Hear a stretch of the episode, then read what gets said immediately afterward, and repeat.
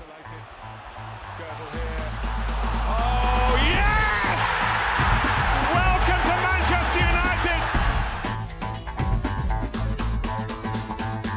Velkommen til Old Trafford DK podcast. Din danske United-fan lyd, der hver uge stiller skarp på de røde djævels præstationer inden og uden for kridtstregerne. Denne gang i en periode med lykkerus og forventningsglæde, hvad angår Premier League, men også med et par mørke skyer, der i går udsprang af et nederlag i Carabao til naboerne for City. Vi skal i denne udsendelse vende semifinalforbandelsen, der hviler over Solskjaer-truppen.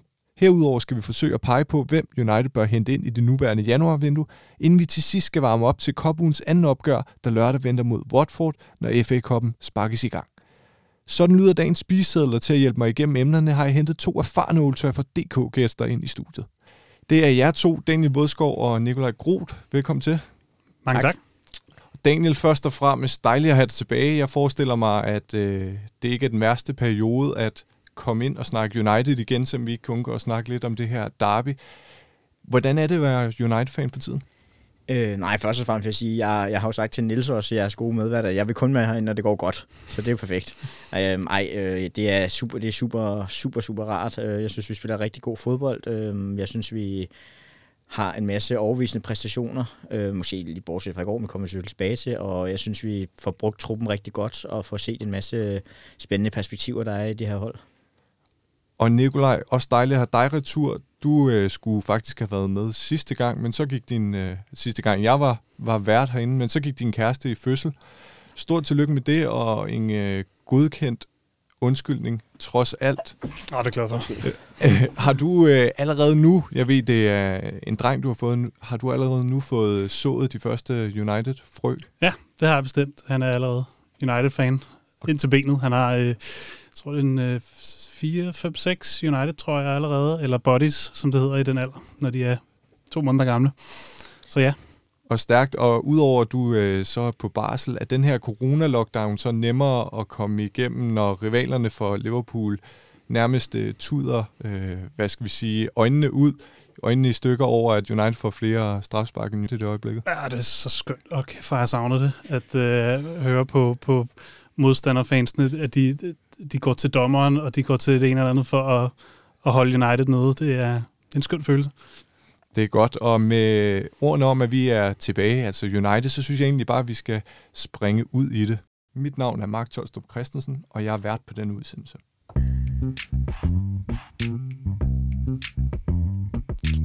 Ikke den mest glidende overgang, men vi skal nu engang snakke om gårdsdagens semifinale nederlag, der blev Uniteds fjerde slagsen inden for det seneste år.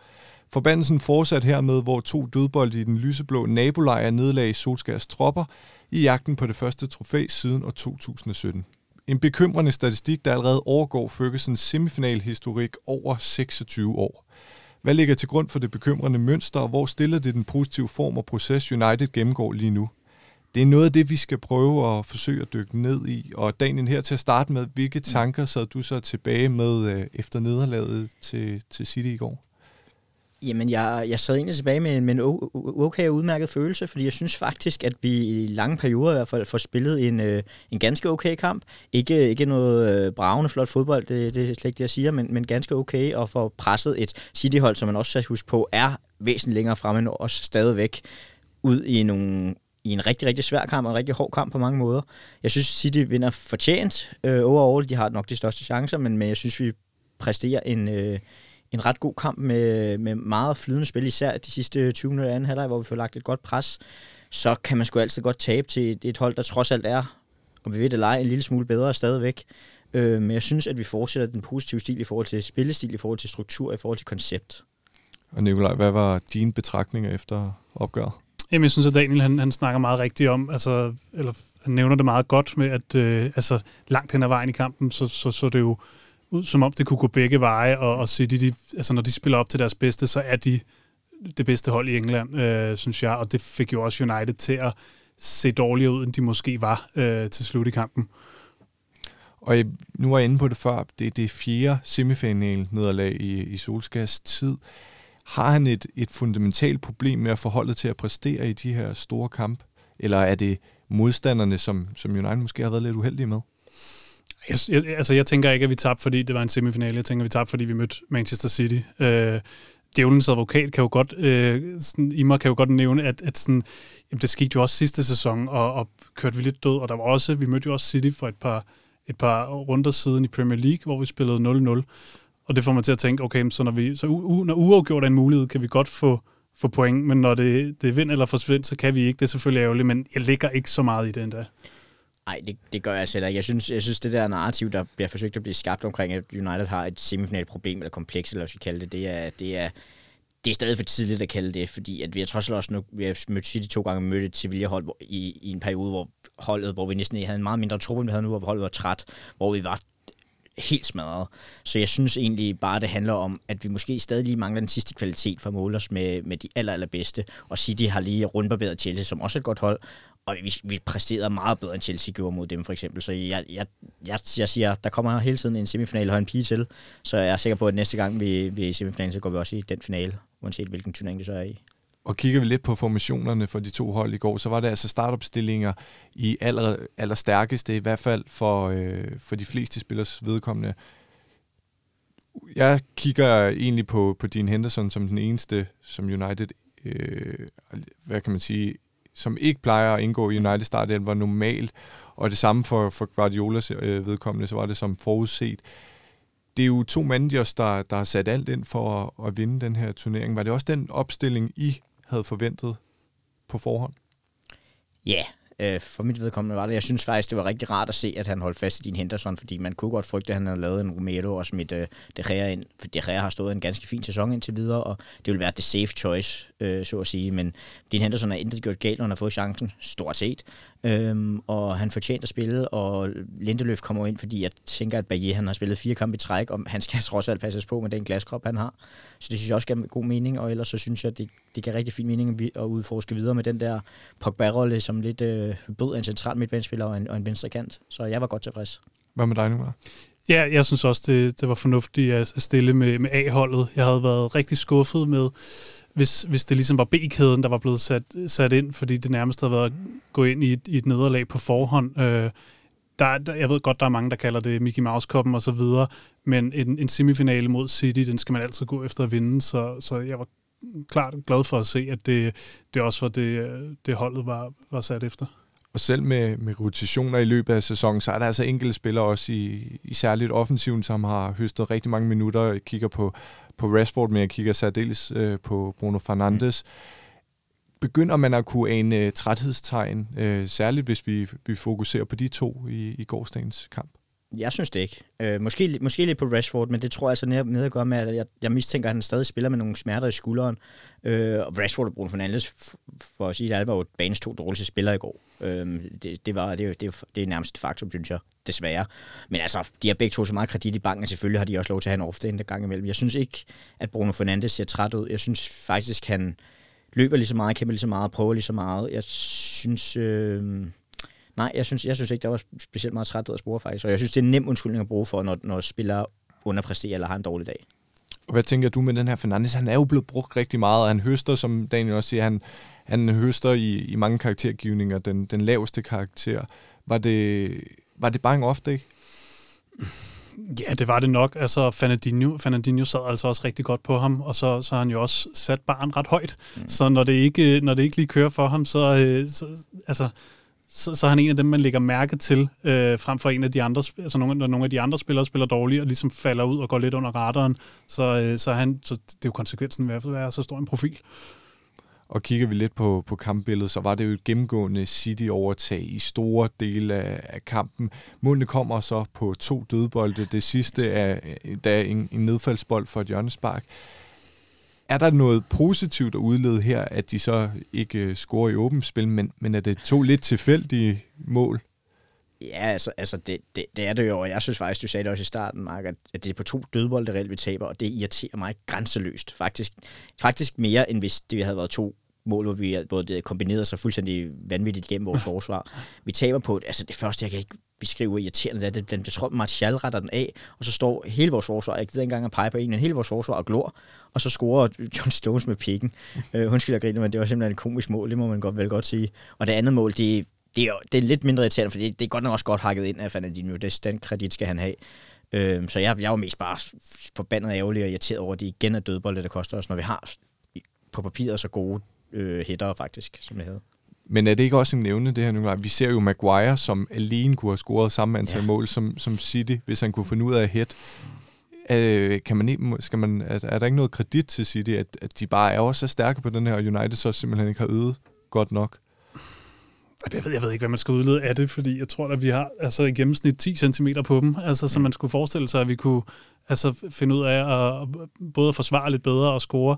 Jeg tror, der var Morten Brun, der kom med en skarp analyse af, at Maguire er utrolig god til at få bolden i hovedet. Øh, og det, det må man sige. Jeg synes godt nok, han, han skylder. Det er selvfølgelig ikke hans job at score mål, men, men nu har han, han godt nok, der er mange indlæg, der rammer ham, uden at det øh, har noget slutprodukt. Ja, det er vildt irriterende der, hvis jeg lige må, må tage den der, ja. fordi det var også en kæphest, som jeg havde sidste gang, jeg var med inden for et halvt år siden, eller mm. også et år siden for den sags skyld, at Maguire, jeg synes faktisk, han spiller en rigtig god kamp defensivt ja. i går, og, og gør rigtig, mange, mange ting rigtigt, men han kommer på så mange bolde, men det er som om, han ikke får timet det eller et eller andet, og han, med de dødboldspecialister, vi har, så jeg vil mene, at Maguire skal ligge på en 5 og en 7 mål i Premier League øh, hver sæson, ligesom øh, Vidic gjorde, og det irriterer mig grænseløst, at han øh, er så dårligt timet, eller er så uheldig i gode øjne, fordi han, der burde være mange flere mål i ham. Og markeren i forsvaret, det var, som du var inde på, Daniel Lindeløf. Og der var jo nogle spørgsmålstegn i forhold til, om, om Bailly han skulle spille den her kamp. Også med den form, han er inde i. Mm. Han er virkelig kommet stærkt igen. Blev markerskabet og kampen som helhed i går et billede på, hvilken forsvarskonstellation, der i øjeblikket er Uniteds bedste? Eller mener I, at Lindeløf, som tidligere hen har været Maguires faste partner, kommer til at være, være den due, vi skal forvente? Altså, jeg synes øh, helt ærligt, at Lindeløf Maguire-konstellationen den i denne sæson har været et øh, horribelt bekendtskab. Øh, og og det, det, det, kan, det kan ikke være vejen frem, især ikke når man har set, hvor, hvor, hvor god Maguire også bliver at have en hurtig og stærk forsvar ved siden af sig. Øh, jeg, jeg klandrer ikke så meget Solskjær for det, fordi som sagt, det, det er vigtigt at spare bag lidt. Øh, og, og Lindeløf og Maguire, de har jo også tidligere øh, holdt øh, Citys angriber forfadet, så, så sådan, jeg, jeg forstår det godt, men, men åh, det er ved at være anstrengt. Altså, det, det er svært at, at blive ved med at forsvare dem, på trods af, at jeg altså sådan spiller for spiller ikke synes, de er så dårlige, som, som der er et narrativ blandt mange fans. Men jeg, jeg, jeg må sige, at jeg er ret uenig faktisk. Okay. Øh, jeg, jeg synes klart, at Lindeløf øh, Maguire er vores bedste, bedste centerback-par, og det viste det også hele sidste sæson, og vi har lukket, trods at vi har lukket 23 mål i en Premier League. Det er jo ikke alarmerende horribelt på nogen måde. Øh, og jeg synes, jeg synes, man kan se, når Bailly spiller. Han har gjort det fremragende, og han fortjener også genvalg i næste kamp. Jeg, jeg synes, jeg går all in for, at når man spiller godt, så skal man lov til at fortsætte. Men som vi snakker om, hans krop, han skulle spares. Men jeg, jeg afskriver på ingen måde Lindeløf, fordi hans evne til vores opspil Solskjaer har i fase 1 den idé, om han gerne vil spille med vores målmand, øh, hvilket vi også har et problem, når det er Dean Henderson faktisk, for han er rigtig dårlig med, fed, med fødderne, øh, og så igennem vores midterforsvar til vores sekser. Og der er Lindeløf bare markant stærkere end både Maguire og Bailly, og det er, det, det er svært at træne for Bailly, tror jeg. Når det så er sagt, så synes jeg også, at Bailly med hans fart, og det har måske undervurderet lidt før, men han komplementerer Maguire rigtig godt. Øhm, så den er svær. Øh, jeg synes bestemt, at I har gjort sig fortjent til at spille de næste par kampe i Premier League.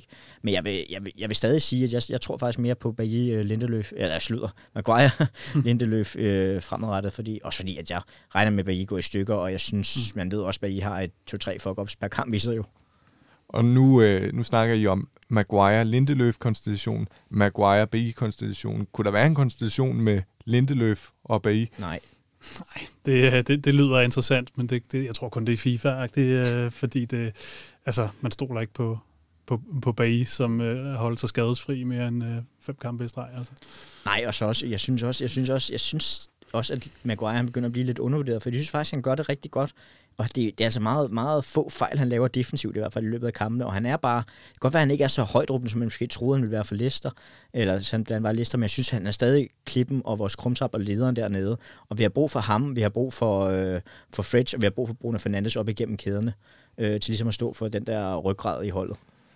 Og kigger vi på, på resultatet, så, så blev det jo til et for nogen måske smerteligt nederlag, for nogen andre måske lidt mere håndgribeligt i og med, at det var Carabao-koppen. Men tror I, at resultatet i sig selv sætter en kæppe i hjulet for Uniteds proces og nuværende form? Nej, det skal det ikke. Øh, og, og vi har, altså sådan, selvfølgelig er det ærgerligt, men det er op på hesten og videre. Altså, og vi har rigtig, rigtig god mulighed for at vinde selvtilliden tilbage inden Liverpool-kampen. Altså først mod Watford og så mod Burnley. Øh, derefter så vender der tre kampe mod altså potentielle nedrykkere i Fulham, Sheffield og Arsenal. Så, øh, det, det, så, så jeg synes, at øh, det, det, det er op på hesten og videre. Hvad tænker du, Daniel? Øhm, altså man skal, jeg, er altid, jeg er altid stadig lidt nervøs for det her United-hold, når vi taber en fodboldkamp, fordi jeg føler stadig, for det er så relativt skrøbeligt, at der ikke skal så meget til at, at ryste det, så at sige. Øh, men nej, jeg synes også, at vi over så lang en periode, også med altså nærmest et år, har bevist, at vi har en, en rimelig god kontinuitet og stabilitet i os, så jeg er sikker på, at vi bouncer back, som Ferguson vil sige, og slår Watford og Burnley komfortabelt.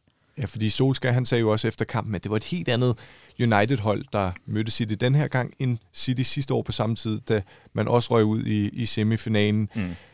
Hvis vi nu kigger, fordi det er der nok ikke så mange, der kan, kan stille sig undrende over, fordi det, altså, vi har jo set, at United ligger nummer et i, i, i Premier League sammen med Liverpool, så det giver god mening. Men kigger vi bare på 0-0-kampen mod City, som vi tidligere let har snakket om, har I så set en udvikling i forhold til, til det her United-hold, selvom man taber? Øh, ja, altså det, det har jeg i hvert fald. Jeg synes, vi spiller meget mere positiv, offensiv og frisk fodbold. Øh, og jeg tror også, jeg tror også Morten Brun var også lidt inde på det under kommenteringen i går. Der er også lidt i, at det netop er en Carabao Cup, og det kan godt lyde lidt paradoxalt, at man, man spiller mere frit i en semifinal, men, men det er over en kamp, og man kan lige så godt give det et skud, end risikere at give det gå fuld smadret i Premier League, og så ende med at tabe på en omstilling eller et eller andet. Så det tror jeg også har noget med at gøre. Men jeg synes, vi er, at generelt hele tiden udvikler sin positive retning og spiller mere og mere, får mere og mere tro på sig selv og, og spiller mere og mere positiv offensiv fodbold. Øhm, og så taber vi igen bare til et hold, som, som er knaldhamrende dygtige og som ser ud til at have fundet formen nu. Øh, så jeg, jeg er i hvert fald den lejr, hvor nederlaget er pisse ærgerligt, men, men jeg ligger ikke søvnløs over det. Var det mere øh, Guardiola, som havde luret Solskærs taktik? Han har jo tidligere haft øh, overhånden her, men du, du sagde det selv, Fernandinho lå rigtig tæt på, på Fernandes. Øh, Cancelo, han agerede jo nærmest som en øh, central midtbane, det, det gør han jo også normalvis, men havde Guardiola luret Solskær på, på den front? Altså han, han, Guardiola, han lavede i hvert fald ikke de samme fejl, som, som United vandt på sidste sæson, ved blandt for eksempel at passere Phil Foden ude på, på venstre kanten i stedet for Sterling. Øh, sidste sæson, der havde Aaron Wan-Bissaka jo Sterling i lommen øh, gennem alle kampene, så, så, så da Phil Foden lige pludselig var ham, man skulle stå over for, der, der, der skete lige pludselig et eller andet. Øh, Sterling var stadig lidt ude af kampen, som man altid er mod, mod United, men øh, jeg tror, det er et eksempel på, at altså Guardiola han, han hele tiden roterer for ikke at begå de samme fejl igen. Mm. Januars transfervindue er i fuld gang, mens United i øjeblikket indtager førstepladsen i Premier League sammen med Liverpool.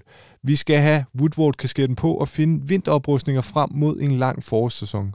Hvor står United svagest? Hvem kan forstærke holdet for dag 1? Og er Uniteds nye transfertalentstrategi den rigtige vej at gå?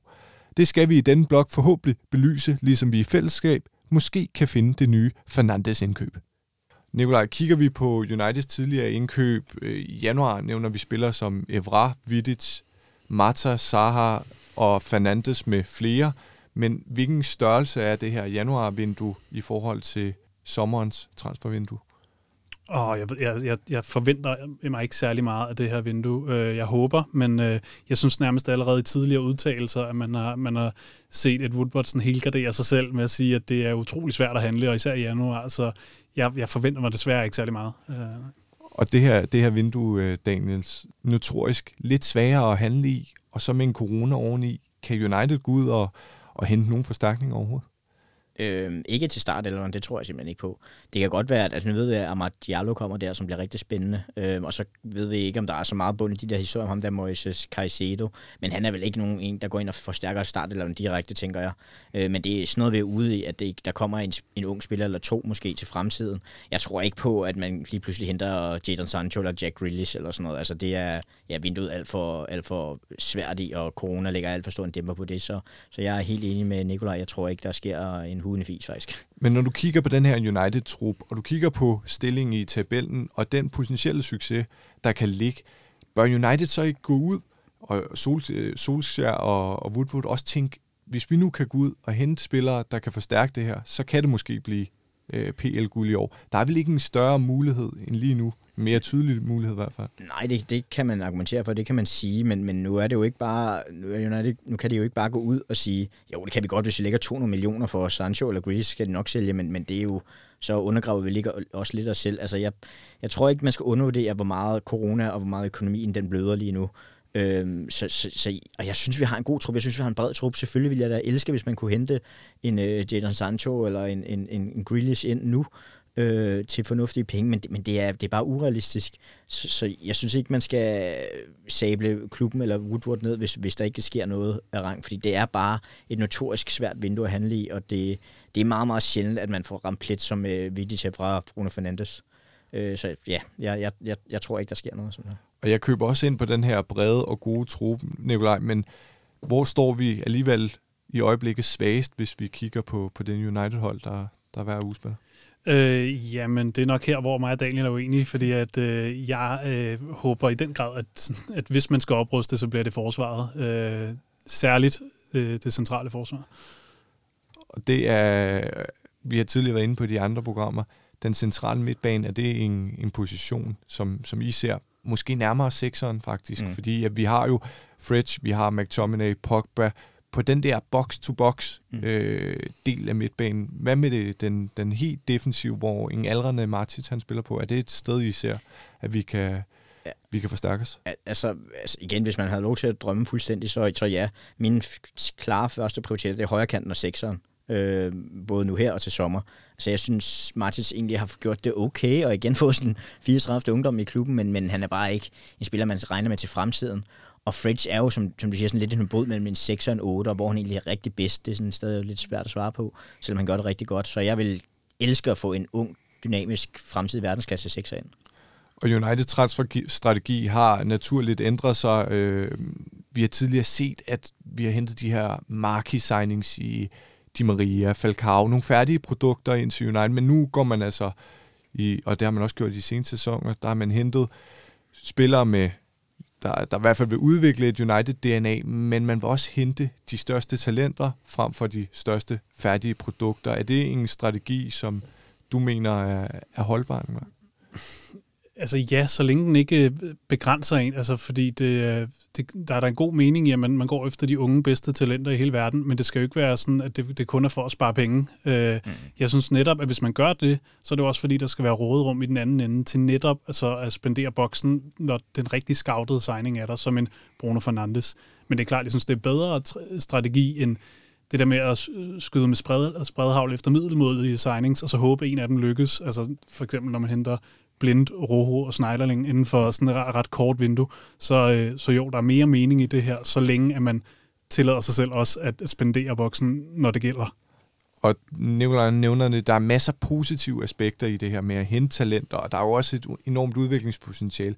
Vi ser, nu var Fernandes ikke et, et, et, et talent, men han var stadigvæk en, en, han er jo kun 26 år, og man hentede en spiller, som kunne øh, få lov til at udvikle sig og har fået stor indflydelse. Hvis man nu alligevel skal dykke lidt ned i det her, så vil ikke at hente ældre, mere erfarne spillere, får man så ikke et øh, ledermæssigt øh, problem på et eller andet tidspunkt, Daniel? Vi ser det jo også med den her semifinal. Du vægter det ikke så højt, den her forbandelse, men mm. der var i hvert fald onde tunger vil jo sige, at der simpelthen mangler noget, noget lederskab, og der mangler noget vindermentalitet. Nogle spillere, som har prøvet det her før, og som ligesom kan være med til at drive holdet fremad.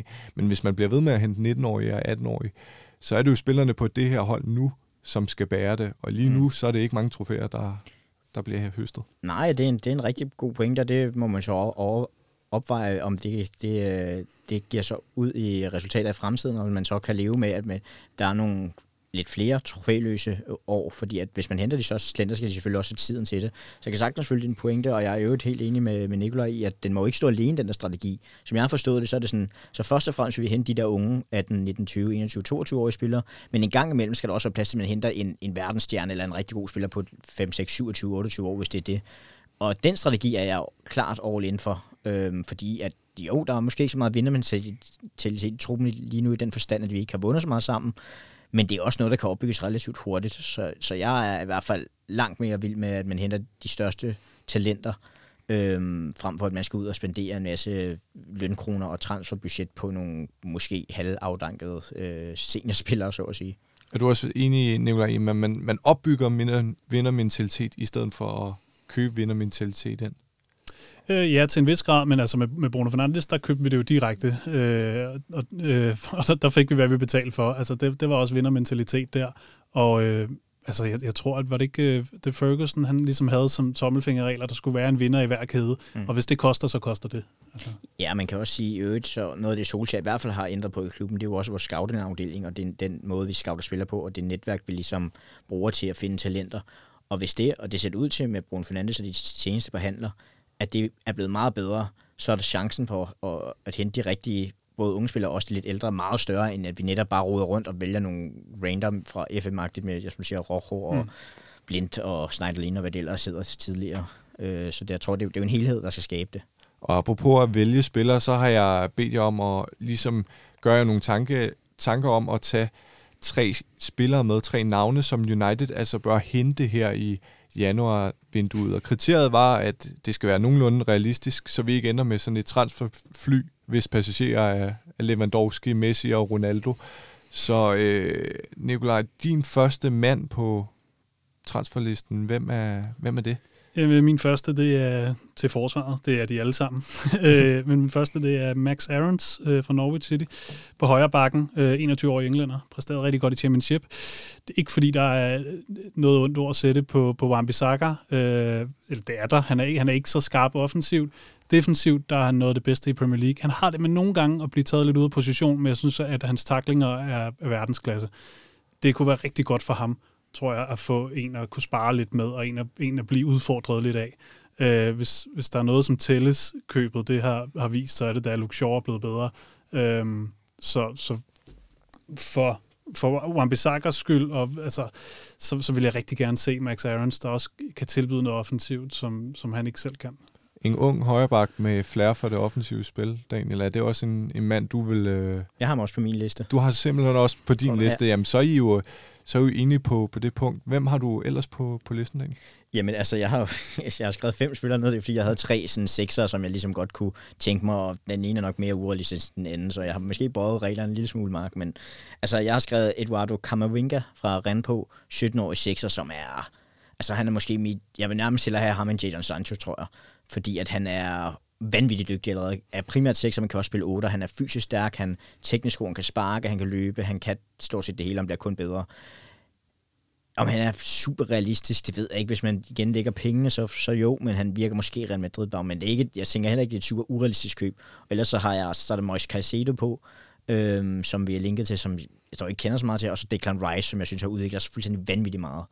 Øh, som, det er de, ligesom de tre, jeg tænker, dem, dem kunne være, det kunne være muligheder for ind på sekseren. Ja, fordi lad os lige snakke om ham her, Caicedo, nu når du bringer ham op. Det er en spiller, der er blevet rygtet til United, skulle være en, en, øh, en type, der minder om Pogba og Kanté, hvis man overhovedet kan forestille sig det mix af en eller anden årsag.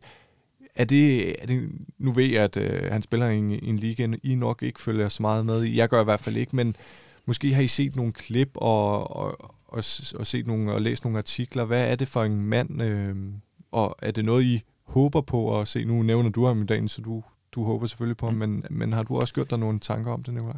Ja, men altså, jeg, jeg er jo ikke ekspert på ham, og, og det er jo sådan, altså alle kan jo så gode ud på en, en YouTube highlight-video, øh, men det, man har læst om ham, der, der virker det altså bestemt som en no-brainer. Han skulle også være til salg ret billigt, så sådan, Øh, Øh, så, så, så det giver da god mening. Øh, men jeg, jeg tør ikke sige så meget om, om det er ham, der lige går ind og transformerer det hele, fordi øh, igen, alle kan se god ud i sådan en highlight-video der. Ja, og nu nævnte du for mig, inden øh, vi, vi startede den her podcast, at du havde læst, at nu var han så rygtet til Everton, og de skulle føre det race. Er det en spiller, man bare skal, skal lukke nu? 19 år, Daniel, og jeg tror, han er blevet rygtet af det 9 millioner euro eller pund eller sådan noget. Det er jo, det er jo småpenge. Skal den bare øh, lukkes nu og hentes? Ja, altså hvis, hvis, hvis man vurderer, at han er god nok, og han kan han relativt hurtigt komme ind på holdet og gøre en forskel og hjælpe, hjælpe holdet, så, så ja, men, men altså igen, man, man ved ikke, hvor meget af de der historier, der er rigtige. For mange historier stammer også fra ecuadorianske medier, og ja, jeg kender ikke lige øh, validitetsskalaen på dem, så jeg ved ikke, men altså Fabrizio Romano, transferguruen der, og, og engelske medier holder jo lidt igen og siger, at der, der er interesse, men der, at man ligesom har ham på standby, så må være et der gør, at man måske ikke tænker, at han er bare det shit, og man skal hente ham nu. Men hvis man tænker det, så er det jo bare om at få det lukket for den der pris, 100%. Vi må håbe, at uh, Antonia Valencia har lagt et godt ord ind. Det skulle vist være det helt store forbillede, ligesom for alle andre uh, ecuadorianske uh, spillere. Så Nikolaj, din anden spiller på, på listen, hvem er det? Ja, han, han læner sig lidt op af det, det urealistiske, øh, fordi han er, er meget høj klasse. Øh, jeg har skrevet Dario Upamecano øh, til at gå ind og skulle agere, øh, agere den forsvarsmarker til Maguire, som bag grundet hans skadehistorik ikke kan være. Øh, nu er jeg på barsel, så jeg har haft mulighed for at se øh, obskur fodbold fra alle mulige skøre ligaer, som Bundesliga eller Liga og sådan noget. Men øh, øh, jeg så ham senest mod Frank, nej, Stuttgart, hvor han, altså, han, han har sådan en majestætisk fremtoning. Altså, han læser spillet godt, øh, så han sjældent kommer i problemer, når han endelig gør. Så, øh, så, så kan han løbe de fleste angriber op. Øh, han er stærk, og han, minus måske i forhold til et system, det er, at han er højrefodet, men, øh, men det, er jo ikke der, den ligesom skal skille. Ham vil jeg rigtig, rigtig gerne se i klubben. Øh, jeg tvivler på det, men samtidig så har jeg også hørt, at han skulle have en frikøbsklausul, der gør, at man kan få ham væsentligt billigere, end hvad hans reelle markedsværdi er. En mand, der altså på mange måder minder om Bailly i både fart og fremtoning. Jeg synes også, at når vi kigger på Bailly og Harry Maguire-konstellationen, så viser det jo, at der er et enormt potentiale. Et potentiale, som endnu ikke har fået lov til at udvikle sig, fordi Bailly han spiller fem kampe, og så er han skadet, og så bliver deres samarbejde lidt sat tilbage. Er det også en mand og en type forsvarsspiller, som du mener, nu ved jeg godt, at du ikke vil hente forstærkninger til forsvaret, mm. men, men er det den jo, her type... Ja, men, men er den her type, altså en, den her centerback, er det den, der skal, den type, der skal være ved siden af, af Maguire, den hurtige? Det, det er der jo meget mange, der mener. Øh, det, det, det, det ved jeg ikke rigtigt, om jeg er enig i, må jeg sige. Altså, jeg synes, at Upamecano er, er udmærket, og det kan godt være, at Nikolaj har set flere Leipzig-kampe, end jeg har, men, men jeg kan også bare huske ham på Champions League-kampene, hvor jeg synes, han var faktisk utrolig ringe mod os, øh, i begge kampe faktisk. Øh, og jeg synes egentlig, at hans marker der kun er til, tror jeg hedder, så lige så god ud i hvert fald, eller lige så dårlig, om man vil. øh, men det skal ikke være det, der kommer ud på, fordi han, jeg ved også godt, der er mange, der siger, at han har et rigtig godt navn, så selvfølgelig er han en dygtig spiller, det er ikke det. Øhm, jeg er bare selvfølgelig også glad for Lindeløf, end mange, når mange nok, nok mange andre er, og synes, han får generelt alt for lidt kredit. Øhm, og synes, jeg synes bare grundlæggende ikke, at vores midterforsvar er så stort et issue. Øh, men hvis vi leger med de, øh, ligesom, hvad skal man sige, de, øh, de ting, du sætter op der, så, så jo, så, altså, hvis, han ikke, hvis han ikke koster 70 millioner pund eller sådan noget, ved jeg ikke, hvad hans frikøbsklausul er på, så er det da ikke, øh, fordi jeg vil løbe grædende øh, ned af øh, Nørrebrogade, fordi vi hentede ham overhovedet, fordi han ser spændende ud. Øh, men jeg er virkelig ambivalent med det, fordi jeg kan virkelig også godt lide Lindeløf Maguire, og det ved jeg godt, jeg måske står lidt alene med, men så jeg kan sgu ikke rigtig beslutte mig. Jeg kan også godt, det, lige for the record, jeg, jeg har ikke et personligt hets mod Lindeløf. Nej, det, er, det er konstellationen, jeg ikke er øh, overbevist om endnu. Altså, jeg, jeg synes, Maguire, han simpelthen skal have en hurtig og stærk ind ved siden af sig. Lindeløf, han er uden tvivl en bedre boldspillende forsvarsspiller, og mod nogen hold, der vil det helt sikkert være løsningen øh, at have sådan en type konstellation. Øh, men jeg synes virkelig, Bailly øh, Maguire perioden her, den har, den har understreget, mm. hvor øh, hvilket niveau det her forsvar kan nå med, med et rigtigt indkøb. Men, men i øvrigt kan det også godt være, at når nogen kampe man skal spille med tre mand, og så kunne ja, ja, Maguire, Bocamano og Upa, hold da op, Upamecano og Lindeløf jo også være en god konstellation, tænker jeg. Øhm, og i øvrigt så er der også Tuanzebe, er der også i det her mix, som jeg tænker, vi alle sammen også har en relativt store forventninger til, men han er også bare meget skadet. Så det kan godt være, at vi skal have en midterforsvar ind som ekstra supplement og sådan noget. Spørgsmålet er bare, om det skal være så dyr en spiller, eller man skal finde igen nogle yngre, yngre lidt billigere, men ja, jeg er meget splittet, det må, det må jeg sige. Ja, det er vel også en spiller for det, den hylde, som vil forvente at skulle mm. gå ind og være en starter. Det vil ja. jo så naturligt sætte en, en, en bremse for, ja, for, for B og, og Lindeløf ja. og også Tornsebe. Mm. Du har en anden spiller klar, Daniel? Ja, øh, jeg har jeg, igen lidt, lidt, to. Jeg har en, som er, som er drømmen, og det er jo selvfølgelig Jadon Sancho, som jeg blev med flag, flag om, og ham ved jeg godt er urealistisk. Så derfor har jeg også, i hvert fald i januar, så derfor har jeg også Leon Bailey fra, øh, eller Bailey, ja, fra Leverkusen, som jeg har set et, et, øh, et 4-5-6 gange, som jeg synes ser rigtig, rigtig spændende ud. Ung spiller, kan både spille til højre, primært, kan også spille til venstre og centralt. Super hurtig, driblestærk. Øh, har også fået noget slutprodukt i forhold til mål den her sæson på et Leverkusen-hold, der fungerer sindssygt godt, endda efter salget af Havertz.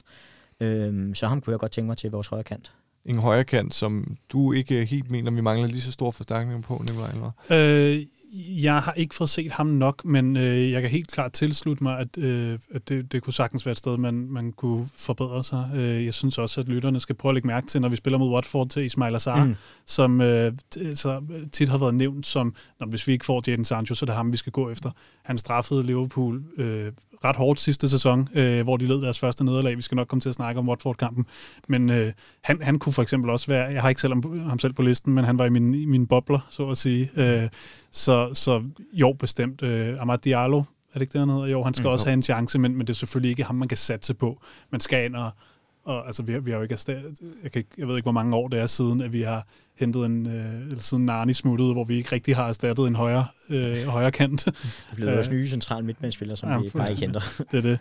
Nu, nu nævner du selv uh, Amad Diallo, øh, og så kan vi lige så godt tage ham op. Han er på vej, øh, er, er mere eller mindre bekræftet i hvert fald for fra øh, billeder på Instagram i, i privatfly og sådan. Og at Atalanta ville gerne have beholdt ham en, en halv sæson mere, men han har altså sagt nej. Jeg tror heller ikke, det er blevet til mere end 35 minutter i den her sæson. Hvilket også er naturligt, hvis man på forhånd er solgt, og mm. det er jo talent, som de ikke rigtig ønsker at, at udvikle på. Hvilke forventninger har I til ham? Fordi han er jo rigtig, rigtig ung, ligesom Greenwood er, mm. og skal gå ind og, øh, og spille på højre kanten. Men er det lidt mere over i den her ja, hvordan vores øh, uruguayanske nye spiller, Pellestri eller Pellestri, mm. øh, er det lidt mere over i den her, hvor han skal på U23-holdet først, eller forventer I med den erfaring, han har på førsteholdsniveau, at han kan gå ind og blive en, en contender til, til den her højre kant? Altså, jeg, jeg tror, han er købt ind til fremtiden selvfølgelig, så det kan godt være, jeg tror ikke lige, når han kommer ind for højre her i januar, at han lige kommer ind og gør en forskel med det samme. Men jeg tror, vi kommer til at få, se ham i den her sæson faktisk. Øhm, jeg, har ikke, jeg, kan ikke, jeg kan ikke øh, blære mig med at se øh, 20 kampe mere om overhovedet selvfølgelig, fordi han har heller ikke spillet så mange førsteholdskampe, men jeg har trods alt set ham med tre gange i Champions League faktisk. Øhm, og blandt andet mod Midtjylland, hvor han fik 25 minutter på banen, hvor jeg synes, han så virkelig, virkelig spændende ud. Altså hans, hans evne til at træffe beslutninger virkede rigtig moden. Og så selvom han er meget lille, så har han faktisk en ret god fysik, hvilket er det, der gør, at jeg har ret store forhåbninger for, at han kan komme ind og få nogle Premier League-kampe allerede der i, i løbet af, af foråret her. Øhm, så jeg har, jeg har en forventning om, at han måske de første, de første måned, par uger, spiller på UA 23, men rimelig hurtigt kommer op og træne med førstehold og bliver en del af, af truppen i et eller andet omfang i hvert fald. Og, og du, er, du, du skulle til at sige noget nu? Ja, jeg vil også næsten bare tilslutte mig. Det vil være unfair at forvente, at han vil gå ind og, og transformere angrebet, eller det, off, den offensive del. Øh, men det kan jo også vise sig at være til hans fordel, at han øh, ikke er så stor et navn. Altså, han kan, kan gå ind og overraske lidt, men, men jeg, tror, jeg tror ikke, det er et, et Bruno Fernandes køb. Altså, han, han skal have tid. Og på din øh, liste, så mangler vi en mand, en, en forsvarsspiller igen. Ja, det er jo ikke fordi, han forventer Obamacano og ham her. Øh, det, det er mere som, hvis, hvis øh, Obamacano ikke gider, øh, så har jeg, nu kommer jeg til at slagte navnet, men øh, Benoit Bardia Chile fra øh, Monaco, en franskmand. Den er spændende. Ja, 19 år, hurtig, bumstærk, øh, høj, han er venstrefodet, øh, og så kan han få billigere end Obamacano. Han beskrives som et, et kæmpe talent, øh, og han går ikke modsat Upamecano, så vil det ikke forventes, at han vil gå direkte ind på, øh, på startopstillingen, men derimod kunne, kunne battle lidt mere med, med Lindeløf og Bage. Øh, han er 19 år, som sagt, så det, jeg tror også, at det vil passe lidt bedre ind i profilen af, hvad vi leder efter, og at han kan formes lidt mere til at blive den marker, man gerne vil have, han skal være, frem for at, øh, at, at man, man prøver at få noget til at passe, som, som, som ikke rigtig kan som, som, som, er, som er dømt til at mislykkes. Så jeg tror, det er frem til, det er, at han i kraft af hans øh, unge alder, så, så kan han stadig formes til, øh, til at blive en marker til, hvem end det måtte være. Og du lægger væk på venstre benet. Og det er jo lidt det her, vi kigger på Uniteds øh, forsvar. Det er jo højre benet alle sammen. Det her venstre ben, er det ikke også øh, ned ad den, hvad kan man sige, rute United skal kigge, når de leder efter forsvarsspillere, i forhold til at opbygge det her? Altså, vi lukrerer rigtig, rigtig, rigtig meget på vores kontraangreb, og i og med, at vi kun har højrebenet, jamen så kommer det naturligt til at blive indsnævret i forhold til, hvis vi fik en, en venstrebenet midterforsvar, der i sagens natur så vil kunne spille bolden op den vej. Vil det ikke give en ny dimension til det her hold? Jo, det ville det helt sikkert, men det er selvfølgelig ikke det, den står og falder med. Altså, hvis en spiller er dygtig nok, så, så er han dygtig nok, uanset hvilken fod, der er hans yndlings. Øh, men jo, det, det passer helt klart ind i i hvert fald Solskjærs øh, vision. Øh, han har tidligere, jeg, jeg synes tidligere, han har udtalt, at, øh, at, at en venstrefodet øh, central forsvar vil, vil klæde det. Og Daniel, hvis vi skal til, til dit sidste bud øh, på en, øh, januar-transfer, hvem har du så? Nå, jeg, jeg, jeg tror faktisk, jeg kom til at nævne Du har nævnt dem alle sammen. Ja, ja, det var fordi, det var, fordi jeg havde øh, de der tre centrale midtbanespillere, ja. så, så ellers ville jeg også have Declan Rice øh, som sekseren, og ham er jeg faktisk ikke... Jeg, tror, jeg tvivler på, West Ham vil sælge med i januar, men jeg er heller ikke jeg tror heller ikke, at de er fuldstændig imod det, hvis prisen er selvfølgelig rigtig, men igen, så er vi jo nok også oppe i de der 70-80 millioner pund, og det, det ligger United jo nok ikke her i januar, men ja, han er en spiller, som egentlig for et år siden ikke var super stor fan af, men jeg synes virkelig, han har lagt på i forhold til hans pasningsspil. Han er ret hurtig også, og han fylder meget. Han øh, kan dække primært 6'eren selvfølgelig, men også 8'eren, og jeg kan godt lide de der sådan, hybride spillere, der kan dække flere pladser. Øh, så ham er, ham er, og så har han lederegenskaber, som du også efterspurgt, Mark. Øh, anfører West Ham en, en, har, har et dunder af et spark. Så han er en spiller, som, som jeg også rigtig godt kunne tænke mig, hvis øh, Camavinga, han for eksempel ender i Real Madrid. Øhm, og ham ser jeg ikke som urealistisk, i hvert fald til sommer. Og der, det, er jo, det er jo en spiller, der i længe har været rygtet til Chelsea, men, øh, men også på en eller anden måde har erklæret sin kærlighed til West Ham på den der Mark Noble-agtige måde.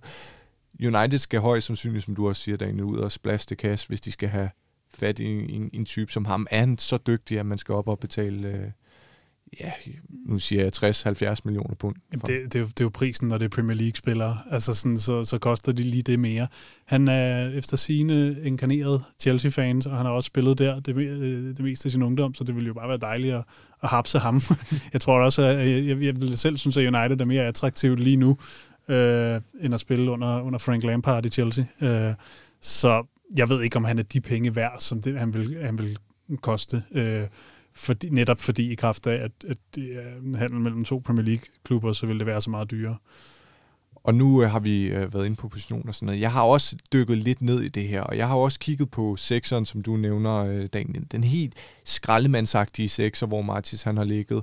Og der har jeg så fundet frem til, at øh, i Leicester, der render en 24-årig Ndidi rundt og mm. har spillet 4,5 sæson, bosset rundt i, i Leicester. Virkelig duelstærk, virkelig øh, erobring og taklingsstærk. Er det ikke en eller anden form for no-brainer, at United ikke øh, nu kender vi ikke øh, prisen på mm. ham, men, men er det ikke en no-brainer, at de går ud og henter ham? Han vil jo kunne gå ind på det her hold. Han er PL-proven og kan gå ind fra dag et et eller andet sted. Og det vil jo være en, en forstærkning, som United kunne, kunne bruge i det her titelrace. Ja, det ville det bestemt. Øhm, prøv, lige, prøv lige at spole tiden halvandet år tilbage, og så spørger jeg selv, om man, man gider at bokse med Leicester igen mm. øh, for, for en spiller. Jeg tror, ej, for, hvor er de forfærdelige at handle med. Øhm, hvis Ndidi han selv pressede på, hvis det var en handel, der lige pludselig gav mening. Øh, jo, jeg, jeg tror helt sikkert, for at svare på de spørgsmål, at han ville kunne gå ind og forbedre det her hold. Det, det er jeg ret sikker på, at han ville. Men, men ikke til prisen. Hvad for noget siger du? Ikke til prisen. For jeg, jeg tror, jeg tror ja. at Leicester kommer til at få for langt omkring måske 90 millioner pund. For ja, ja, det, bliver, det bliver en rekordindkøb ja. i mellem to Premier League. Og så, og, og, og, så er han for dårlig på bolden, synes jeg. Altså, jeg synes, jeg synes ikke, at han er katastrofal, men, men jeg synes bare, at en sekser på et tophold i, i, i dag skal kunne meget mere på bolden, end de, de kan. Øh, så jeg er faktisk ikke særlig stor fan af ham. Nej, men så meget god point. Og vi snakker også om de her gode, øh, gode centerbacks. Skærning venstrebenet centerback. Men realiteten er vel, at der ikke er så forfærdeligt mange oplagte bud derude. Marcos Rojo. Ja, og her, øh, der har jeg jo øh, der har kigget ned, og nu kommer en lidt, et lidt spændende bud, som I så kan forholde jer til. Men jeg har jo kigget over i naboens lejr for City. En Laporte, der er blevet skubbet lidt ud i skyggen af Stones og Diaz, øhm, og spiller slet ikke på, på samme måde, som han gjorde i, i sin sæson, som, hvor han så også var skadet, men, men sæsonen inden da. En spiller, der måske ikke helt er tilfreds med at, at være på bænken, og når vi kigger på, på det, øh, den due, City har nu i Stone City, så ligner det noget af det, Guardiola han gerne vil satse på i fremtiden. Hvis man nu skal gå ud, og det kommer til at blive rigtig, rigtig dyrt, kunne Laporte så ikke være det helt ideelle venstrebings centerbacksvalg? Jo, altså jeg, altså jeg må indrømme, at City købte Laporte i sin tid, der var jeg mega misundelig, fordi jeg kender ham for Bilbao og synes, han var fuldstændig fantastisk. Det synes jeg stadig, han er. Problemet er bare, som siger, derfor City, at de nægter at følge Pure og sælge til os, og så er han enormt meget skadet.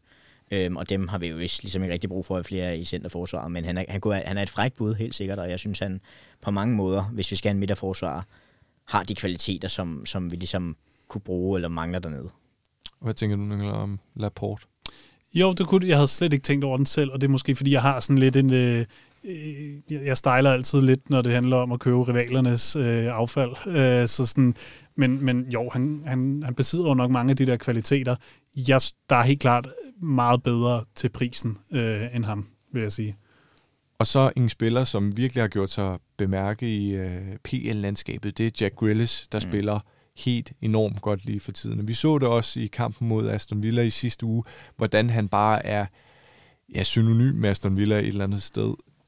For mig besidder han rigtig, rigtig mange af de ting, United kigger efter. Øh, han ligner på en eller anden måde nu. Ferguson, han, han sagde det i sin tid, når han så en spiller, det der, det var bare en spiller mm. for, for United, der passer ind i United på alle måder. Er det også sådan, I ser Jack Grealish, en spiller, som, som øh, angiveligt skulle, skulle ønske at komme til United, som er hans største drøm?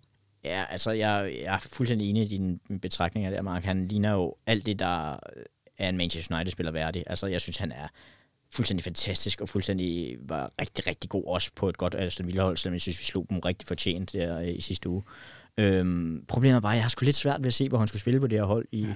i 4-2-3-1'eren eller 4-3-3'eren, eller hvad vi skal kalde det, fordi selv når, hvis Pogba bliver solgt til sommer, så har vi lige købt Van de Beek, som, som fortjener en færre chance, og som også spiller nogle af de samme positioner.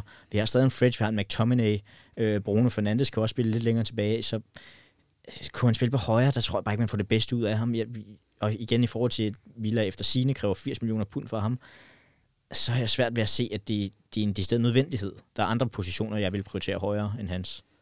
Du anerkender også, øh, Nicolaj, at der måske ikke helt er, er plads til ham, men hvis man nu kigger på Martial, som virkelig ikke har performet, er det ikke ja. også bare nogen, nogen, nogen, i hvert fald i den her sæson har han ikke ramt niveau, kan man ikke også, bliver man ikke også nødt til at kigge på de spillere, man har? Så sige, Jack Grealish, han er nok meget bedre end, end mange af de valg, vi har nu.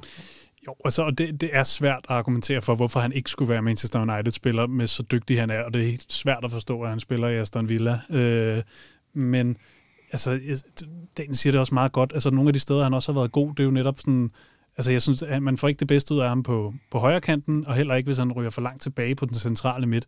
Offensiv midt, øh, vi behøver ikke at nævne navn, der sidder rimelig tungt på det, øh, på den position, så skulle det være venstre. Der synes jeg, Rashford er bedst. Mm. Øh, jeg synes, det er, det, det er svært at få ligningen til at gå op, selvom han, han har jo nærmest United-DNA, inden han overhovedet er kommet til klubben. Ja, altså. og selv, Mark, selvom du siger, at man kan måske tage Martial ud, så vil jeg stadig have svært ved at se, hvor han skulle spille henne, fordi mm.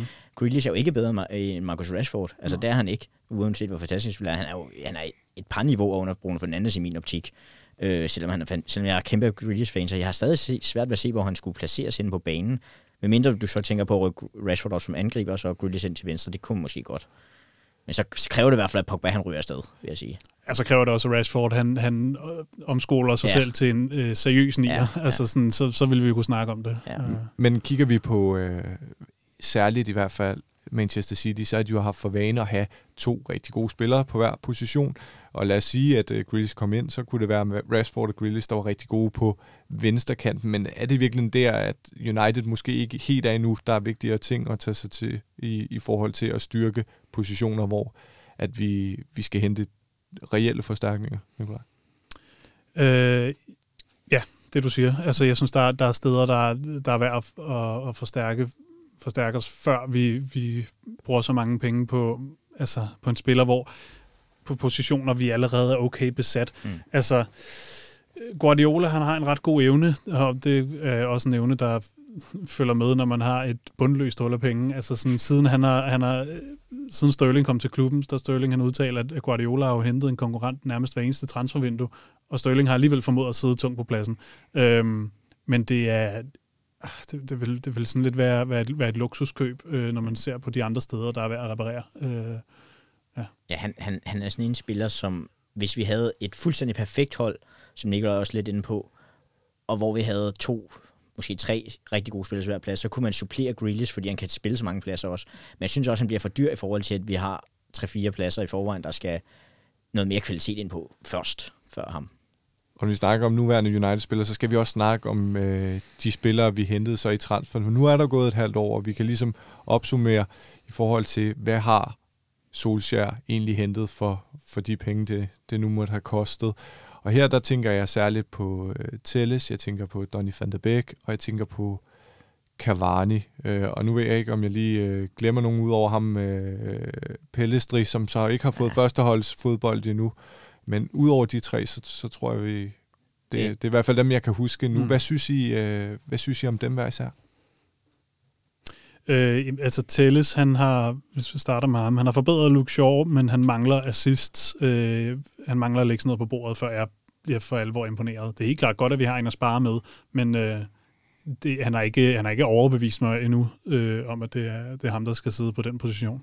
Øh, ja, Van der Beek, han er, han er lidt blevet en joke mange steder i fanbasen, øh, og, og, men jeg tror, altså, jeg, jeg vil også kunne forstå, hvorfor han vil være frustreret, men jeg tror, at inde bag murene på Carrington, der, mm. tror, der tror jeg ikke, det er så kaotisk, som mange gør det til. Jeg tror klart, at han kan have en fremtid i, i klubben. Måske er det post Pogba, øh, eller også så, altså sådan, eller også så, det, så, skal han, så skal han bruge noget mere tid på indkøring. Øh, jeg håber, han har den tålmodighed. Der er også en, der, der er et EM lige om hjørnet, som han måske gerne vil være med til, og så videre, og så videre. Det er sådan lidt spekulationer, men jeg, jeg, jeg tror stadig, der er plads til ham. Øh, det, det er måske på sigt. Øh, Jamen, den her, den her indkøring og tilpasning, altså jeg kan i hvert fald huske, at Klopp i Liverpool-lejren, han Præcis. brugte jo også utrolig Præcis. lang tid på at køre Fabinho ind, altså, og han er jo en af verdens bedste, ja, sekser, men egentlig også ved at udvikle sig til at være en fabelagtig øh, centerback.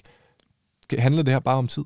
Det, altså, jeg er fuldstændig på øh, linje med jer, altså, fordi jeg synes, også fordi jeg synes faktisk, måske bortset fra de sidste par kampe, jeg synes faktisk, når han har så spillet fra start eller kommet ind, har han gjort det ret godt, og han viser, at han har nogle kvaliteter. Han er jo sindssygt boldstærk og boldsikker, han skaber flow i spillet, han kommer godt i feltet og kommer i farlige positioner. Altså, det er en, det er en super spiller, som vi har i, i støbeskin her, det er jeg sikker på. Det handler om, at øh, lige nu har vi nærmest for mange midtbanespillere, vi har en Pogba, som som ironisk nok efter de der Raiola-udtalelser, spiller rigtig godt i øjeblikket, så man ikke rigtig sætter på bænken, og det samme med Fred McTominay, der er top-performer, og en, og en Bruno Fernandes. Van der Beeks tid skal nok komme, men jeg tror, det bliver efter, at Pogba han formentlig bliver solgt. Øhm, og må jeg lige tilslutte mig det, som Nikolaj sagde i forhold til Telles. Jeg synes, hans, han har gjort det, han har købt ind til. Læg pres på Shaw, som Shaw er blevet vanvittigt god, synes jeg, øh, selvom jeg var fan af ham i forvejen. Øhm, og så har han sørget for, at han kan få nogle pauser en gang imellem. Ja, og Cavani, øh, hvis jeg lige hurtigt skal tage ham, han øh, har været et eminent indkøb, simpelthen. Jeg var jeg kunne slet ikke forstå i mit hoved, hvad vi skulle bruge en snart 34-årig gammel angriber til, men han er jo kommet ind med, apropos vi snakker om, så meget vindermentalitet, øh, erfaring, øh, måde, man skal, måde, man skal agere angriber på, som Martial og Rashford virkelig kan suge til sig fra, og så har han scoret nogle flotte og vigtige mål. Ja, og, og Cavani, han er jo den her, man var jo lidt i tvivl om, han er ja, den her Falcao-type, der kommer mm. ind, eller om han er den her Zlatan-type. Hvem, Hvem synes du... Øh, ja, han læner sig mere op af Zlatan, hvis man, hvis man skal stille de to op. Altså, han, han er bare fed på den måde, at han, han er jo typen, der, der, altså, som, som scorer på en halv chance, og han har det der angriberinstinkt, som øh, vores andre øh, angriber wings lidt skal lære, stadig har at lære endnu. Øhm, jeg synes helt klart, at han er en genial køb. Jeg tror, altså, han, der, der, det bliver netop fortalt, at han er gammel, og han, han kan ikke være fremtidens mand. Jeg tror stadig, at han er, at han er yngre end Jamie Vardy, som jo stadig bomber ligaen i smadret, ja. så, så man behøver ikke at afskrive, øh, afskrive ham, bare fordi han har den alder, han nu har. Altså, jeg synes også, jeg følger ikke vildt meget med, øh, men, men det, det kan ikke undgå at blive præsenteret for mig, at man ser på hans Instagram eller, eller Twitter, eller sådan, at han, han, han er på løbebåndet ja. øh, to timer hver aften, og sådan, altså han, at han stadig har den der øh, drive. Sult, ja. Ja. Og, og når man ser, undskyld mange, men når man ser på de bedste angriber rundt omkring i Europa, Zlatan, øh, jeg kan bare vi snakke om nu, øh, Lewandowski, Cristiano Ronaldo, øh, Ciro Immobile, hvad har de alle sammen til fælles? De er alle sammen over 30, alle sammen i midt 30'erne. Altså, så, så jeg tror også, man ser bare en tendens til, at angriber kan holde længere i dag i moderne ja. fodbold, end de kunne tidligere. Ja, fordi du er inde på det, jeg skulle til at spørge om det, at det her er lidt sådan en øh, uddateret hvad kan vi sige, øh, holdning og billede af moderne fodboldspillere. Altså, der er kommet så mange ting, øh, teknologi, men også øh, hvad kan man sige, træningsforhold, der gør, at spillerne med den rette mentalitet selvfølgelig, de kan jo gå ud på bar hver aften og, og, og drikke sig stive, men med den rette mentalitet og viljen til at spille fodbold lang tid, jamen så holder de måske til de er 40 år, hvor de før i tiden kunne holde til de var 32-33. Ja, det, ja. det er meget rigtigt. Jeg er enig.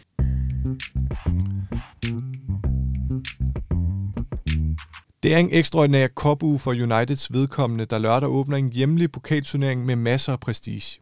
Der er nemlig tale om FA-koppen, en turnering, som United har vundet 12 gange tidligere, næstflest af alle, og altså kun slået Arsenals rekord på 13 styk. Lørdagens modstander huserer til daglig i Championship, en tilværelse, der for Watford blev en realitet efter, at de ikke klarede kottet i Premier League sidste sæson. Vi har allerede været lidt inde på det, øh, den her kamp, men Daniel og Nikolaj, vi snakker typisk om Premier League, vi snakker om Champions League, når vi nævner de her helt store turneringer, men hvad betyder FA-koppen for jer hver især? Hvis vi skal starte med dig, øhm, en, det er en traditionsrig turnering, som egentlig øh, jeg vægter ret højt normalt, og som jeg synes, vi altid skal gå all ind på at vinde på, eller vinde. Øhm, men jeg vil bare sige, under de her omstændigheder, den her sæson, vi har gang i, så er det klart, den, også når vi er ud i, nu her i semifinalen i, i Carabao-koppen, en, en turnering, jeg klart vægter lavest i år, i, i, i forhold til Premier League og, og Europa League, desværre, som vi rød ud i nu. Omvendt så har jeg det også sådan, at efter vi røg ud her til City, så den her kamp er lige blevet en lille smule vigtigere, fordi at jungletrommerne vil hurtigt komme frem, hvis vi også spiller dårligt eller røger ud til Watford, så vi kan heller ikke bare tillade os at stille med alle reserverne, som jeg ellers havde tænkt først. Øhm, så, så FA Cup i sig selv betyder rigtig meget for mig, jeg har rigtig mange gode minder for den, men jeg vil også nedprioritere den en lille smule i forhold til de to andre turneringer, uden at stille rent reservehold på, på lørdag. Hvad betyder den for dig, Nicolaj? En turnering, vi senest vandt tilbage med, med Frank Graal, hans hans afskedskamp faktisk, øh, længe op til kampen og efter, der, der lurede det jo, at han skulle blive fyret. Det blev han så også to dage efter, tror jeg. jeg er så glad for FA Cup'en. øh, jeg er måske også en romantiker på det, på det punkt. Øh, jeg er akkurat så glad for den, at jeg lige vægter den. Det er højere end Europa League. Øh, og det er, det er traditionerne og det er minderne omkring den. Øhm, og det er det, at man, man, man har en mulighed for at, ja, for at slå dem, der er de, de mere nærtliggende konkurrenter.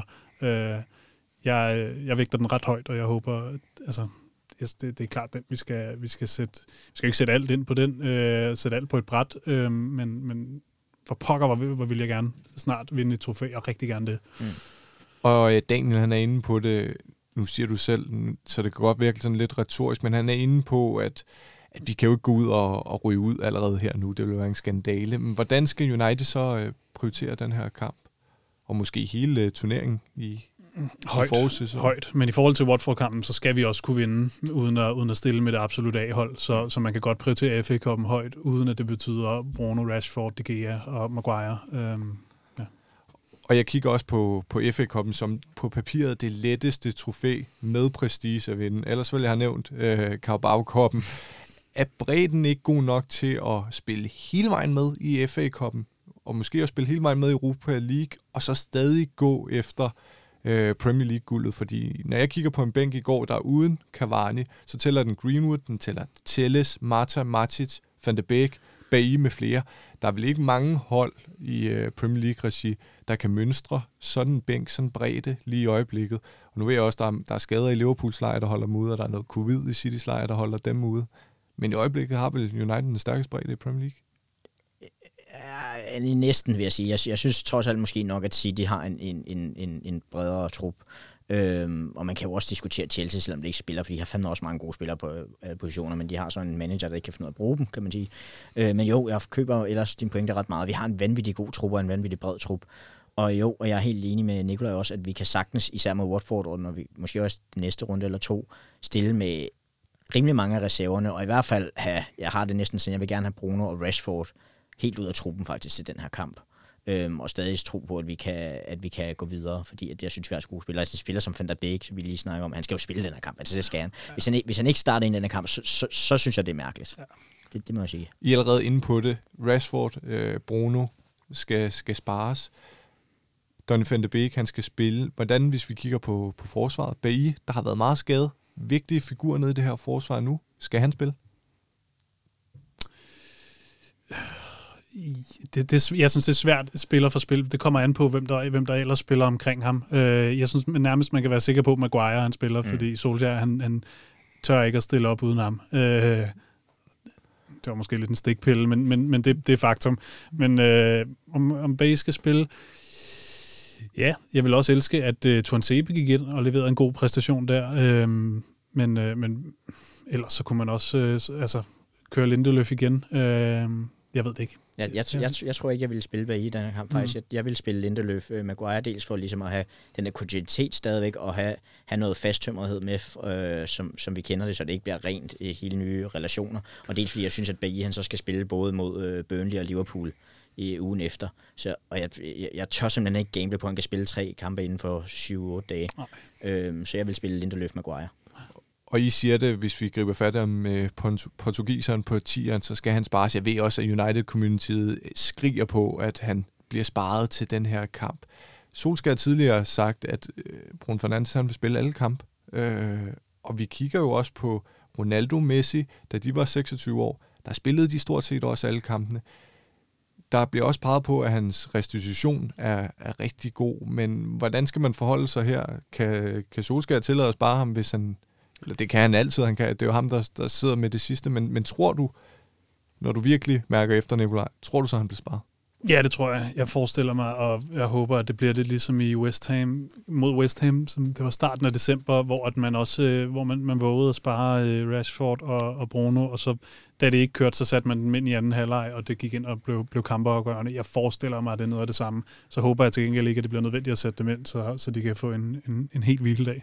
Er det samme scenarie, du forestiller, Daniel, eller tror du omvendt at Solskjaer håber på at kunne afgøre den her kamp efter 45 minutter, bruge Bruno Fernandes, og så smide ham Ej, ud i pausen. For, fordi, som vi lige snakker om, jeg synes, vores trup er så god, og uden at skulle undervurdere Watford, så bør vi kunne slå dem relativt sikkert uden de to. Øhm, og netop også, også få en Greenwood ind, og forhåbentlig få ham lidt mere i gang. Øhm, og igen, som vi var inde på, Van der Beek, han er jo vel købt ind til netop også at skulle afliste Bruno i de her situationer. Så hvis han ikke spiller den her kamp, så, så er det det første, jeg begynder at tænke på, om der virkelig ligger noget mere mellem, mellem at, hvorfor han ikke spiller, om, eller mm. om det ikke bare handler om tid og tilvænding.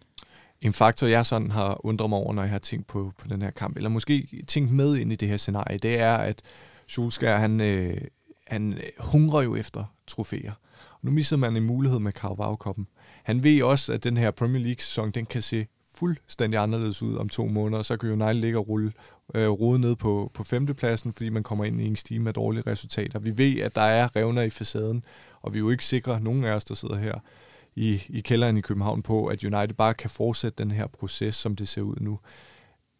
Tror I ikke, at han er så bange for, at hvis han stiller med reserverne, så rører man ud af den her turnering, og så ser billedet ud, anderledes ud i, i Premier League, og så blower hele den her Solskjaer out op. Øhm, så, så de spillere, han, han sparer, det er måske bare Bruno Fernandes øh, og, og Rashford, og så ligner den ellers meget fra, fra, fra stærkeste. Sådan en mand som Martial, kunne han ikke også spille? Jo, jo, jo. Altså det, det, kunne, det kunne jeg egentlig faktisk forestille, at du har ret i, og det tror jeg egentlig også, at, at du får ret i. Jeg tror, det bliver et stærkt hold, og jeg tror også kun, det er primært i hvert fald Bruno Fernandes og Rashford, der nok får en pause. Øhm, og det bliver jeg også ok med, men, men, men jeg vil også nok sige, at hvis man stiller op med for eksempel et, et, med, med en ryggrad, der hedder Maguire, Lindeløf, Pogba, Martic, og så... Øh, nej, Cavani og karantæne, men Greenwood op foran, så er der jo også stadig mange hvad skal man sige, førsteholdsspillere eller startelverspillere der, og så kan dem udeomkring, hvor skift på baksen skift på kanterne, vil give god mening. Men jeg kunne sagtens forestille, at du har ret, at det nærmest kun er Bruno og, og Rashford, der, der bliver decideret sparet. Og hvis vi nu skal lege med lidt alternative navne, som kunne, kunne indgå i den her startopstilling, hvis man håber på, på den, så har jeg ligesom øh, udpeget øh, Pellestri, øh, Mengi og Hannibal Mabry som den helt unge og nok øh, mere urealistiske. Tror du, Nikolaj, det er nogle af, af de spillere, vi kan forvente os at, at se Nej, på banen? Desværre ikke. Hvis det skulle være, skulle det være Pellistri. Øh, de andre, de ligger på sådan lidt defensive positioner, der tror jeg ikke, at han tør, tør gamble mod sådan, altså, et, nogle så sprudlende offensive øh, spillere, som, som, som Watford trods, trods alt har. Øh, så det vil, altså, hvis det skulle være en af dem, du nævner, så Pellistri.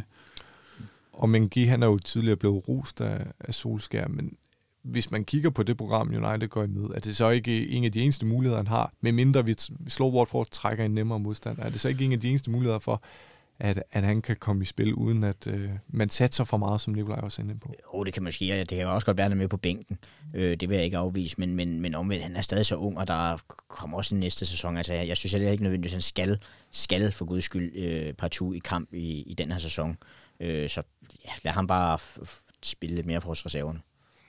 Og en, en anden mand, der ikke har fået så mange minutter i, i benene, det er Jesse Lingard. Han har lige fået forlænget sin kontrakt med et optionsår, skal det hilses og, og sige. Er det her et ideelt tidspunkt for ham til ligesom at gå ind og kickstarte år 2021? Jeg tænker også på, at det her muligvis er hans sidste skud i bøssen, hvis han skal komme med ind over holdet igen. Og her tænker jeg bare på bænken i fremtiden? Couldn't care less. Altså, Lindgaard, jeg ved selv, hvis han gik ind og lavede fem mål, jeg vil stadig have svært ved at argumentere for, at han så skulle implementeres i førsteholdstruppen. Jeg ved ikke, hvor meget han, han har at kickstarte. Øh, at det, altså, han, han, er, han er jo den type, der er fin her i truppen, måske til den her kampe, hvor der virkelig, til den her type kampe, hvor der er noget, der skal aflastes, men jeg, jeg, jeg er ret ligeglad med, med, med, med Lingards skæbne til en vis grad. Jeg kan godt lide ham for øh, meget af det, han har gjort, eller for hans kontinuitet i klubben. Øh, lad mig sige det på den måde. Han har også en, en fin historie i FA Cup'en. Øh, men jeg, jeg, jeg synes, det er sjovere at snakke om Van der Beek og Greenwood, og nogle, nogle lidt mere uprøvede kræfter end, end Lindgaard. Ja, der er også, altså, der er også, det er også nogle af dem, han, han, han Solskjaer stoler meget mere på Greenwood, også på Dan James, som ser til at få en lille revival måske her på det sidste, og, og Van der Beek, altså der, der er noget, og Marta for den sags skyld, som heller ikke har fået mm. meget spilletid på det sidste. De spillere står foran Jesse Lingard, hvad jeg mener, tror også, og håber og tror på, at de, de spiller på, nogle af dem i hvert fald på, på lørdag, og så må Lingard måske være med på bænken. Ja, og øh, hvis vi så kigger på på Watford. Øh, vi ved jo ikke, eller jeg ved i hvert fald ikke, måske ved I mere om det, men Watford, efter de er rykket ned i Championship, så er det blevet lidt sådan uskrevet blad i Premier League-regi af naturlige årsager. Hvordan tror I, de kommer til at gå ind til kampen? Fordi i tabellen, der ligger de nummer 6 i Championship, og de, en klub med også med de midler, de nogle gange har, så må de sigte efter at komme op i Premier League hurtigst muligt. Tror I, de vil prioritere den her, øh, den her kamp og det her eventyr, som FA Cup også nogle gange er? Det er et godt spørgsmål. Øhm, ja, jeg tror, de kommer måske ikke med fuld musik og alle fra start. Jeg tror faktisk måske, de sparer nogle spillere, men jeg tror, de kommer de fle- med øh, de fleste fra start. Og så tror jeg, de kommer til at stå ret dybt og spille på omstilling med, som, som Nikolaj med Ismail Azar som, som den store kanon. Hvad tænker du nu? Ja, ja, og, og selv hvis manageren ikke prioriterer den her højt, så vil enhver spiller på banen, vi spiller mod Manchester United, selvfølgelig er det her nærmest årets kamp for dem. Øh, det, det er et sted, hvor de kan vise sig frem, og så, så jeg, jeg tror da helt sikkert ikke, man skal undervurdere dem. Altså, udover Ismail Azar, så er der Troy Deeney, der er sådan, altså ved at være lidt, lidt en legende. Øh, og, og Joao Pedro, det er... Jeg ved, jeg ved ikke, om vi var inde på det før, eller om det var før vi tændte for mikrofonerne, men sidste, øh, sidste sæson, der straffede de jo Liverpool øh, 3-0. Så, så jeg synes slet ikke, at det var jo nærmest samme hold, så endelig pas på med at undervurdere dem, og, og de, de, de kan straffe på kontra. Og øh, det her udstillingsvindue af spillere, som Nikolaj øh, prioriterer, eller pointerer, Ismail Azar, Troy Dini, en, en legende for det her Watford-hold, og en mand, som elsker de her kampe. Er det også nogle af de spillere, du holder øje med, Dan? Ja, fordi jeg var øh, øh, øh, ærligt om, jeg har ikke set uh, særlig meget Champions League og Watford, så det er nok også de to, jeg kender lige umiddelbart på holdet, mindre jeg har glemt nogle åbenlyse. Men ja, jeg glæder mig rigtig meget til at sige Ismail Azar, fordi jeg er på linje med Nikolaj. Han kunne også muligvis være et alternativ til den der højre kant, hvis, hvis Jadon Sancho han ikke er en mulighed, eller bliver for dyr. Øh, synes jeg, han er en vanvittig spændende spiller, så det er ham, jeg helt klart vil kigge på og se, hvordan han gør det over for Telles formentlig, som jeg tror spiller. Øh, lige er James Garner ikke udlejet til, til Watford i den her sæson? Jo, jeg tror ikke, at han må ikke spille. Han må ikke spille. På, må spille, nej. Så er der ellers en, en god gammel mand i Tom Cleverley med, oh, ja. med, med United-rødder, som man, man er kan... ligegyldigt, man havde glemt ham. Hvis vi nu skal tage krystalkuglen frem og ligesom kigge på den formation, som United principielt kunne komme til at stille op i, hvem ser I så? Fordi øh, Solskjaer, han har jo øh, prøvet lidt forskelligt af i den her sæson. Han har både prøvet med tre eller fem i forsvaret, men han har også prøvet den her diamant, og så den helt klassiske 4-3-3. Hvad, hvad forventer I, at, at United kommer til at gå ind med den her? Måske er, er det spørgsmål uh, nej, smule svært? Nej, det synes jeg, altså, jeg tror, vi kommer til at spille. Nu siger du 4-3-3, jeg vil 4-2-3-1. Øhm, ikke, at der er en stor forskel, men, men, eller det er der jo lidt, men så alligevel ikke. Men 4-2-3-1, 4-3-3, øh, det er den, jeg tror, vi kommer til at spille. Og det samme med, med dig, Nikolaj. Du tænker ikke en, en defensiv approach til den her med Nej, det, med det vil da være åndssvagt. Når man nu har muligheden for at, altså sådan at komme tilbage efter et nederlag, så skal man da, også, øh, skal man da ikke gøre det med, med fem forsvarsspillere. Men er det så et festfyrkeri, vi skal, vi skal forvente, altså, at de kommer ud for at revancere det her? Også med, jeg ved ikke, det fik vi ikke engang snakket om i, i United-kampen, men jeg ved ikke, hvordan I ligesom forholdt jer til den nave, de viste. Øh, nu spillede vi i Manchester-kampen. Man kan jo ikke i United tage til tak med at ryge ud i semifinalen, og så endda i et Manchester derby. Hvad forventer I, reaktionen er på det her? Det er første mulighed for at revancere det her opgør. Så er det ikke sikkert, det er med de samme spillere, der spillede mod Manchester, men det er jo stadig klubben som helhed. Ja, det skal helt klart revanceres, og altså, der er jo også, nu, nu, hvis man ikke stiller med stærkeste, så er der jo netop muligheden for nogle af dem der, den der B-kæden, så øh, at vise sig frem og argumentere for, hvorfor de skal, at de skal gå ind på første holdet. Ikke? Så jeg håber at se, øh, netop se sådan nogen som Greenwood eller Daniel James, Van der Beek, øh, sprudle, så altså, det håber vi jo alle sammen, men, men det er en oplagt mulighed i hvert fald. Ja, jeg, jeg føler mig faktisk altid, det gør også under Ferguson, når de, de gode tider, så at sige, føler jeg altid ret sikker og glad, når vi havde tabt en kamp, for jeg forventede altid en positiv reaktion, hvor vi gik ud og gå sådan smadre modstand bagefter. Det, det tror jeg også godt, vi kan se her mod Watford, som jeg, som jeg tror får store problemer. Øhm, igen, man skal ikke undre dem selvfølgelig, men, men jeg tror, de får problemer med tempoet og med den energi, som United kommer med, også fordi ja, vi kommer formentlig til at skifte i hvert fald et halvt hold. Og hvis vi skal have et, øh, et bud på resultatet, hvor store problemer kommer Watford så i? Jeg tror, vi vinder 3-0. 3-0. Hvad siger du, Nicolaj? 4-1. Vi, øh, vi, 4-1. Vi, kommer bagud, og øh, Ole out. Øh, råbene begynder at lyde, men øh, vi, vi får den lukket hurtigt. Fantastisk. Vi er ved at være ved vejs ende, men afslutningsvis har mine gæster medbragt en pointe, vanen tro. Ordet er deres alene, og jeg synes, at vi lige så godt kan starte med din pointe, Nikolaj. Ja, øh, jamen, min pointe, øh, den kommer lidt i kølvandet på, på noget, jeg lidt har set som tendens øh, på Twitter, blandt andet, efter at øh, det begyndte at gå ret godt. Der er mange, som ikke rigtig vil lade sig øh, rive med, og, og jeg, jeg ser det lidt som sådan et mantra, don't get carried away, don't get carried away. Øh, og, og, og jeg forstår det også godt. Altså, hvis man har fået knust sit hjerte, så er det svært at, at lade sig forelske fuldstændig igen.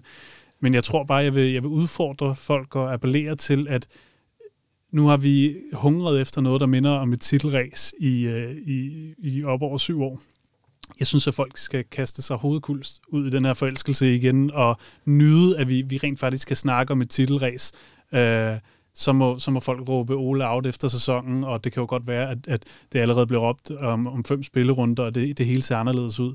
Men jeg vil, jeg, jeg vil prøve at udfordre folk til virkelig at nyde, at vi har muligheden for at for at komme op på førstepladsen nærmest med afstand. Vi har muligheden for at kunne øh, være det første hold, der vinder på Anfield i jeg ved ikke hvor mange runder.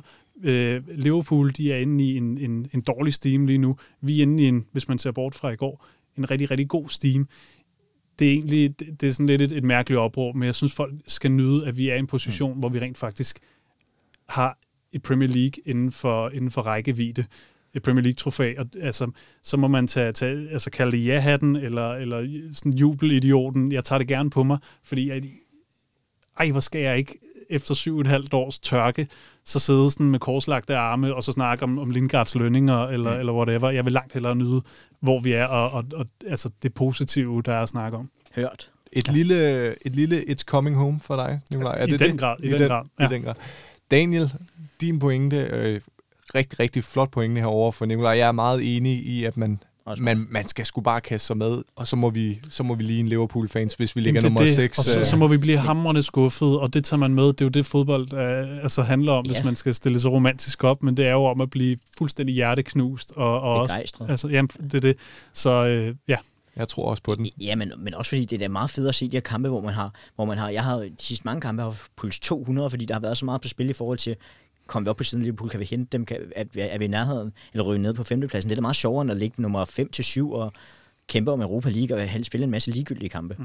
Nå. Ja, det, det er strafspark med Bruno Fernandes mod Aston Villa. Det var, ja. det var en af de der momenter, hvor at det var bare en 2-1-scoring, men det var så meget mere på, mm. på en eller anden måde. Ja, fuldstændig. Det, det, jeg, jeg håber jo så meget mere efter Klopps udtalelser, at, ja. øh, altså, at jeg, jeg vil jo nærmest hellere vinde på et øh, sådan tvivlsomt straffe i 95. minut, end jeg vil vinde 8-0. Øh, ja, ja, så helt... bare, bare for at se ham glødende ude på sidelinjen. Helt enig. Det er også mit, øh, altså mit øh, virkelig øh, favoritscenarie, hvis det, hvis det kunne ske. Hvad, din pointe, Daniel, det var, yes. det var den, vi kom fra. Ja, men jeg vil egentlig bare, øh, jeg har skrevet lidt om det på Twitter også før, så jeg vil bare gerne hylde den sådan mentalitetsændring eller forandring, som jeg synes, der er sket i, i klubben og på holdet efter Ole overtaget, og man virkelig kan se nu også i forhold til mange af de comebacks, vi har lavet den her sæson, som jeg synes giver gode minder i forhold til Fergusons dage. Øhm, det er jeg så glad for at se, for det er også essensen af Manchester United for mig.